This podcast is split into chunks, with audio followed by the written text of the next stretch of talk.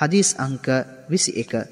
عن عبد الله بن مسعود رضي الله عنه قال قال رسول الله صلى الله عليه وسلم ليس أحد أحب إليه المدح من الله من أجل ذلك مدح نفسه وليس أحد أغير من الله من أجل ذلك حرم الفواحش. الله جي دوتيانو صلى الله عليه وسلم ප්‍රකාශ කළ බව අබ්දුල්له බින් මස්ූද් රදියල්له අන්හු තුමානන් විසින් දැනුම් දෙනලදී. අල්له දෙවිඳුන්ට වඩා පැසසුම ප්‍රිය කරන්නා අන් කිසිවෙකු නොමැත.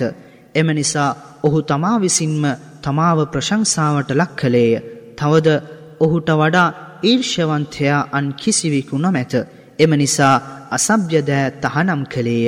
මූලාශ්‍රය සහිහුල් මුස්ලිම්. මෙම හදීසය දැනුම් දෙන්නාගේ විස්තර තුන්වන හදීසයේ සඳහන්ය. මෙම හදීසයෙන් උගත යුතු පාඩම්. නියත වශයෙන්ම අල්له දෙමිඳුන් අලංකාරමත් පැසසුම් හා ප්‍රශංසාවන් ප්‍රිය කරන්නේ.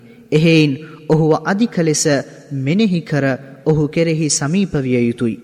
කෙනෙකු අල්له දෙවිදුන්ව ප්‍රසංසාවට ලක් කිරීමෙන් ඔහුට මිස අල්له දෙවිදුන්ට කිසි ලාභයක් ඇතිනුවන්නේය. අල්له දෙවිඳුන් ඊර්ෂවන්තයා යන්නෙහි අර්ථය නම් ඔහුගේ දාසයන් වන මිනිසුන්ගේ ආත්මයට හෝ බුද්ධියට හෝ ආත්ම ගෞරවයට යම් පීඩාවක් හෝ හානියක් ඇතිවීම ඔහු ප්‍රතික්ෂේප කිරීම වේ. තවද අනාචාර් කොල්ලකෑම් පොලිය හා සුරාව සූදුව වැනි අසභ්‍ය කරුමයින් තහනමට ලක් කිරීමට හේතුවද මේ වේ. සාමාන්‍ය මනුෂ්‍යයන් ගත් විට ඔවුන්ගෙන් යහපත් ශීලාචාරයෙන් යුත්තන්ව ප්‍රසංසාවට ලක් කරන්නේ නම් යහපත් චේතනාවට ප්‍රසංසාවට ලක් කළ යුතුයි. මෙසේ යහපත් චේතනාවෙන් ප්‍රසංසාවට ලක් කිරීම යනු යහපත් ක්‍රියාවකි. කෙනෙකු අනෙකාව ප්‍රසංසා කිරීම අනෙකාගෙන් අනතුරකට භාජනය විය හැක යන බියෙන් හෝ කෙනෙක්ව ප්‍රසංසා කිරීමෙන් ඔහුට අහංකාරකමක් ඇතිවේ නම් මෙවැනි අවස්ථාවල කෙනෙකු අනෙකාව ප්‍රසංසා කිරීම තහනම් වේ.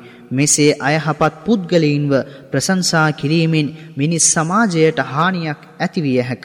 ඊට හේතුව සුදුසු තැනැත්තාට සුදුසු තැන නොදීමය. මෙම අර්ථය පදනම් කරමින් නබිසල්ලල්له අලෙහි වසල්ලම් තුමානන් මෙසේ අන කළහ. ඔබලා ප්‍රසංසා කරන්නන්ව දුටු කළ ඔවුන්ගේ මුහුණට පස්විසි කර පහර දෙන්න සහිහුල් මුස්ලිම්. මෙසේ ප්‍රශංසා කිරීමෙන් අනතුරක් හෝ අහංකාරකමක් ඇතිනවන්නේ නම් කෙනෙක්ව ප්‍රශංසාවට ලක් කිරීමෙන් කිසි වරදක් නොමැත.